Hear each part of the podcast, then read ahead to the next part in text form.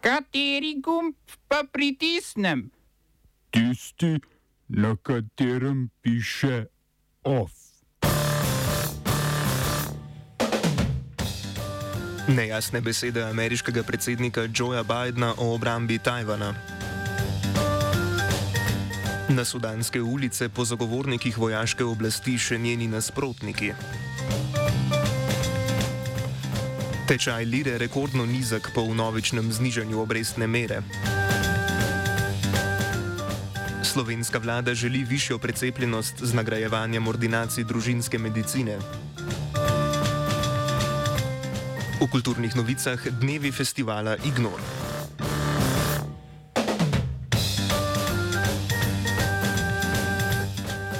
Amerika je zavezana braniti Tajvan v primeru morebitnega kitajskega vojaškega napada. S temi besedami je predsednik Združenih držav Amerike Joe Biden za nekaj ur zamajal temelje ameriške zunanje politike v vzhodni Aziji. Po normalizaciji odnosov z Ljudsko republiko Kitajsko leta 1978 in kasnejšem sprejetju zakona o odnosih s Tajvanom so ZDA ostale zveste na čelu strateške nejasnosti. Osrednje vodilo omenjenega načela je, da se politični vrh ZDA ne opredeljuje o tajvanskem vprašanju dlje kot to določa zakon. ZDA uradno ne priznavajo Tajvana, a podpirajo samo obrambo otoka in nasprotujejo enostranskim spremembam statusa quo. Predsednikovi izjavi je kmalo sledil popravek strani pr predstavnika za stike z javnostjo, da predsednikove besede na srečanju z voljivci ne pomenijo sprememb v zunanji politiki.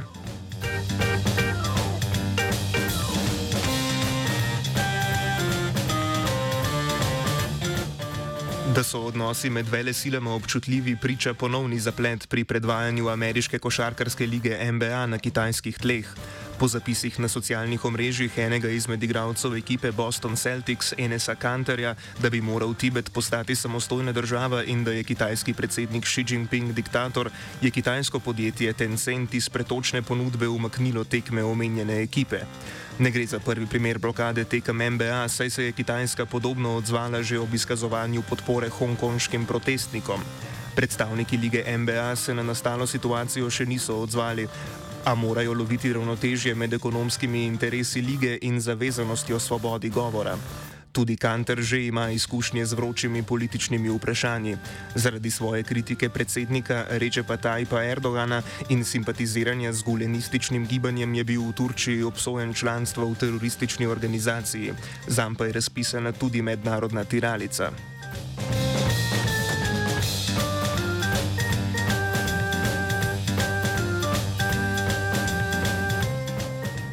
Število držav, ki imajo za vrhovnega poglavarja britansko kraljico Elizabeto II, se bo kmalo zmanjšalo.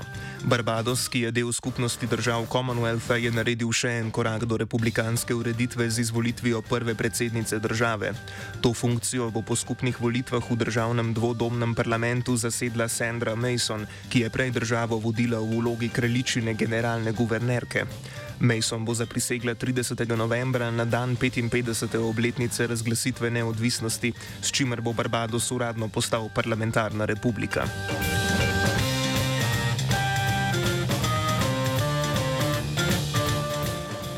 V Sudanu potekajo izmenični protesti dveh nasprotujočih si strani. Na eni strani so zagovorniki vojaškega udara, kar bi prekinilo politični sporazum med vojsko in predstavniki civilne vlade, ki si trenutno delita oblast. Vojaški zagovorniki menijo, da bo vojaška oblast ustavila ekonomsko krizo, ki je načela državo. Na drugi strani so, zago so zagovorniki popolnega izstopa vojske z političnega parketa. Vojaški predstavniki so po prepričanju protestnikov zvesti bivšemu dolgoletnemu predsedniku Omarju Al-Bashirju. Poglavitni ver gneva protestnikov je vodja odbora za suverenost, ki služi kot državni vrh, ter bivši predsednik Sudana, general Abdel Fattah al-Burhan. Današnji protesti podpornikov civilne oblasti so bili največji z več sto tisoč glavo množico. Po poročanju sudanske nacionalne televizije je policija proti protestnikom poleg souzivca uporabila tudi prave naboje.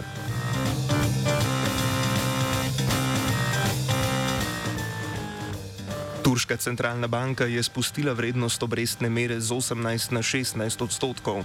Ta poteza je privedla do še nižje vrednosti turške lire, katere vrednost v tekočem letu ustrajno pada. Tako ste za 1 evro januarja dobili dobrih 8, sedaj pa 11 lir.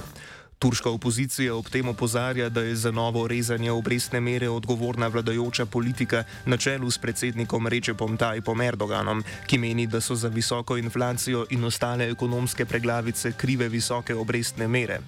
Turška vlada je sredi tedna odpustila tri visoke predstavnike centralne banke. Nižja vrednost lire bi sicer lahko koristila turškim izvoznikom, a po drugi strani turški proizvajalci v državo uvozijo surovine za končne izdelke, kar bi privedlo do večjih finančnih izgub ob šipki domači valuti.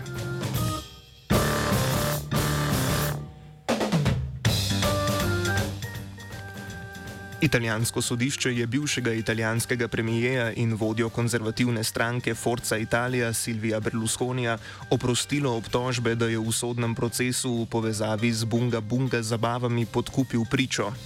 Originalni sodni postopek je Berlusconija bremenil plač plačevanja mladoletne plesalke nočnega kluba za spolne usluge.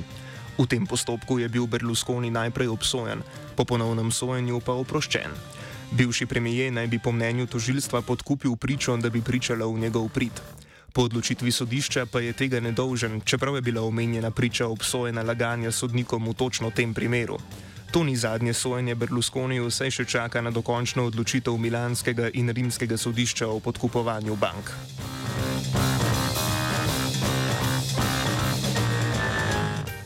Luksemburg je kot prva država v Evropi legaliziral proizvodnjo in uživanje marihuane. Gre sicer le za sprostitev zakonodaje, saj po novem dovoljuje vsaki polnoletni osebi v državi, da doma goji do štiri rastline konoplje za kasnejše uživanje. Zakon ne predvideva omejitev trgovine s konopljenimi semeni in tudi ne določa maksimalne vsebine THC-ja. Tako bodo kupci do semen prišli prek fizičnih ali spletnih ponudnikov ali uvoza iz tujine. Znižujejo se tudi kazni za posedovanje maksimalno 3 gramov marihuane. Ponovem bo najnižja zagrožena kazen 25 evrov, medtem ko, med ko so se do zdaj kazni gibale med 250 in 2500 evri. Nad mejo 3 gramov se zakonodaja ne spreminja. Prav tako bodo kazni ostale nespremenjene za udeležence v prometu, ki bi posegli po opojni substanci.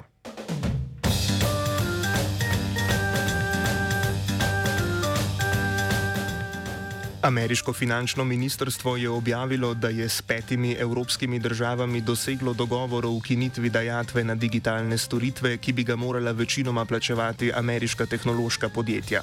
Ukinitev davkov, ki so jih uvedle, a nikoli tudi izterjale Francija, Avstrija, Italija, Španija in Velika Britanija, je bila pričakovana potem, ko, ko je več kot 140 držav, tudi vse največje gospodarske sile, pristalo na dogovor o minimalni obdavčitvi podjetij in sistemu obdavčevanja na mestu prodaje storitev, ne le tam, kjer je podjetje uradno registrirano, kar so, vsaj kar se tiče evropskih podružnic ameriških multinacionalk, tiče tipično davčne oaze. Oba, če, če bom odgovoril na angliški. Slovenija bo poskušala pomagati. Slovenija bo naredila naš utmost, da bo rekla, da je situacija naš problem, naš. In mi bomo naredili nadaljnje korake, as soon as the conditions are. Bomo vlado Marjana Cererera Šarca podprli. Very, very serious. From Slovenija. We know how and we will. Vlada je sinoči sklenila, da se bo problema preniske precepljenosti oseb starejših od 50 let lotila z novim inovativnim pristopom. Tako bodo v bodoče nagrajeni izvajalci v timih družinske medicine. Nagrajene medicinske sestre in zdravniki ordinacij družinske medicine bodo dodatek prejeli za delovno uspešnost, če bodo najmanj dve uri na teden opravljali delovne naloge, kot so aktiven pristop do posameznih pacijentov, promocija cepljenja in izvedba cepljenja v okviru referenčnih ambulant. Omenjenim medicinskim delavcem bodo namenjeni tudi dodatki za povečan obseg dela, ki bo zajemal promocijo in izvedbo cepljenja. Dodatno nagrajevanje delovne uspešnosti bodo izvajalci medicinskih storitev lahko uveljavili takrat, ko, ko izkažejo vsaj 45 odstotkov opredeljenih pacijentov cepljenih s prvim odmerkom ali vsaj 55 odstotkov opredeljenih pacijentov starejših od 50 let cepljenih s prvim odmerkom. Vlada je tudi sklenila, da bo vse odmerke cepiva proizvajalca Janssen, ki jih je država naročila na podlagi skupnega evropskega javnega naročila in bi bile še dobavljene letos, donirala v instrument COVAX.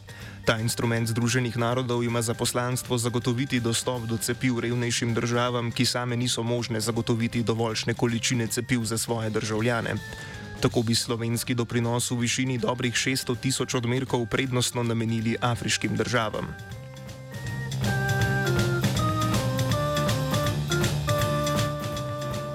Saga o posnetku pogovora med Bojanom Petanom in tedanjim gospodarskim ministrom Andrejem Vizjakom se zapleta. Danes je svojo izjavo za javnost podal Petan in povdaril, da se pogovora ne spomni, ter izrazil dvom o verodostojnosti posnetka. Pozval je pristojne organe naj preverijo avtentičnost, nastanek in posredovanje v javnosti. Posnetek, ki ga je prva predvajala medijska hiša Pop TV, je nakazoval na dogovarjanje o poslušnem nadzornem svetu Terem Čatež in o ministrovi pomoči pri neplačevanju davkov. OF je pripravil Dominik.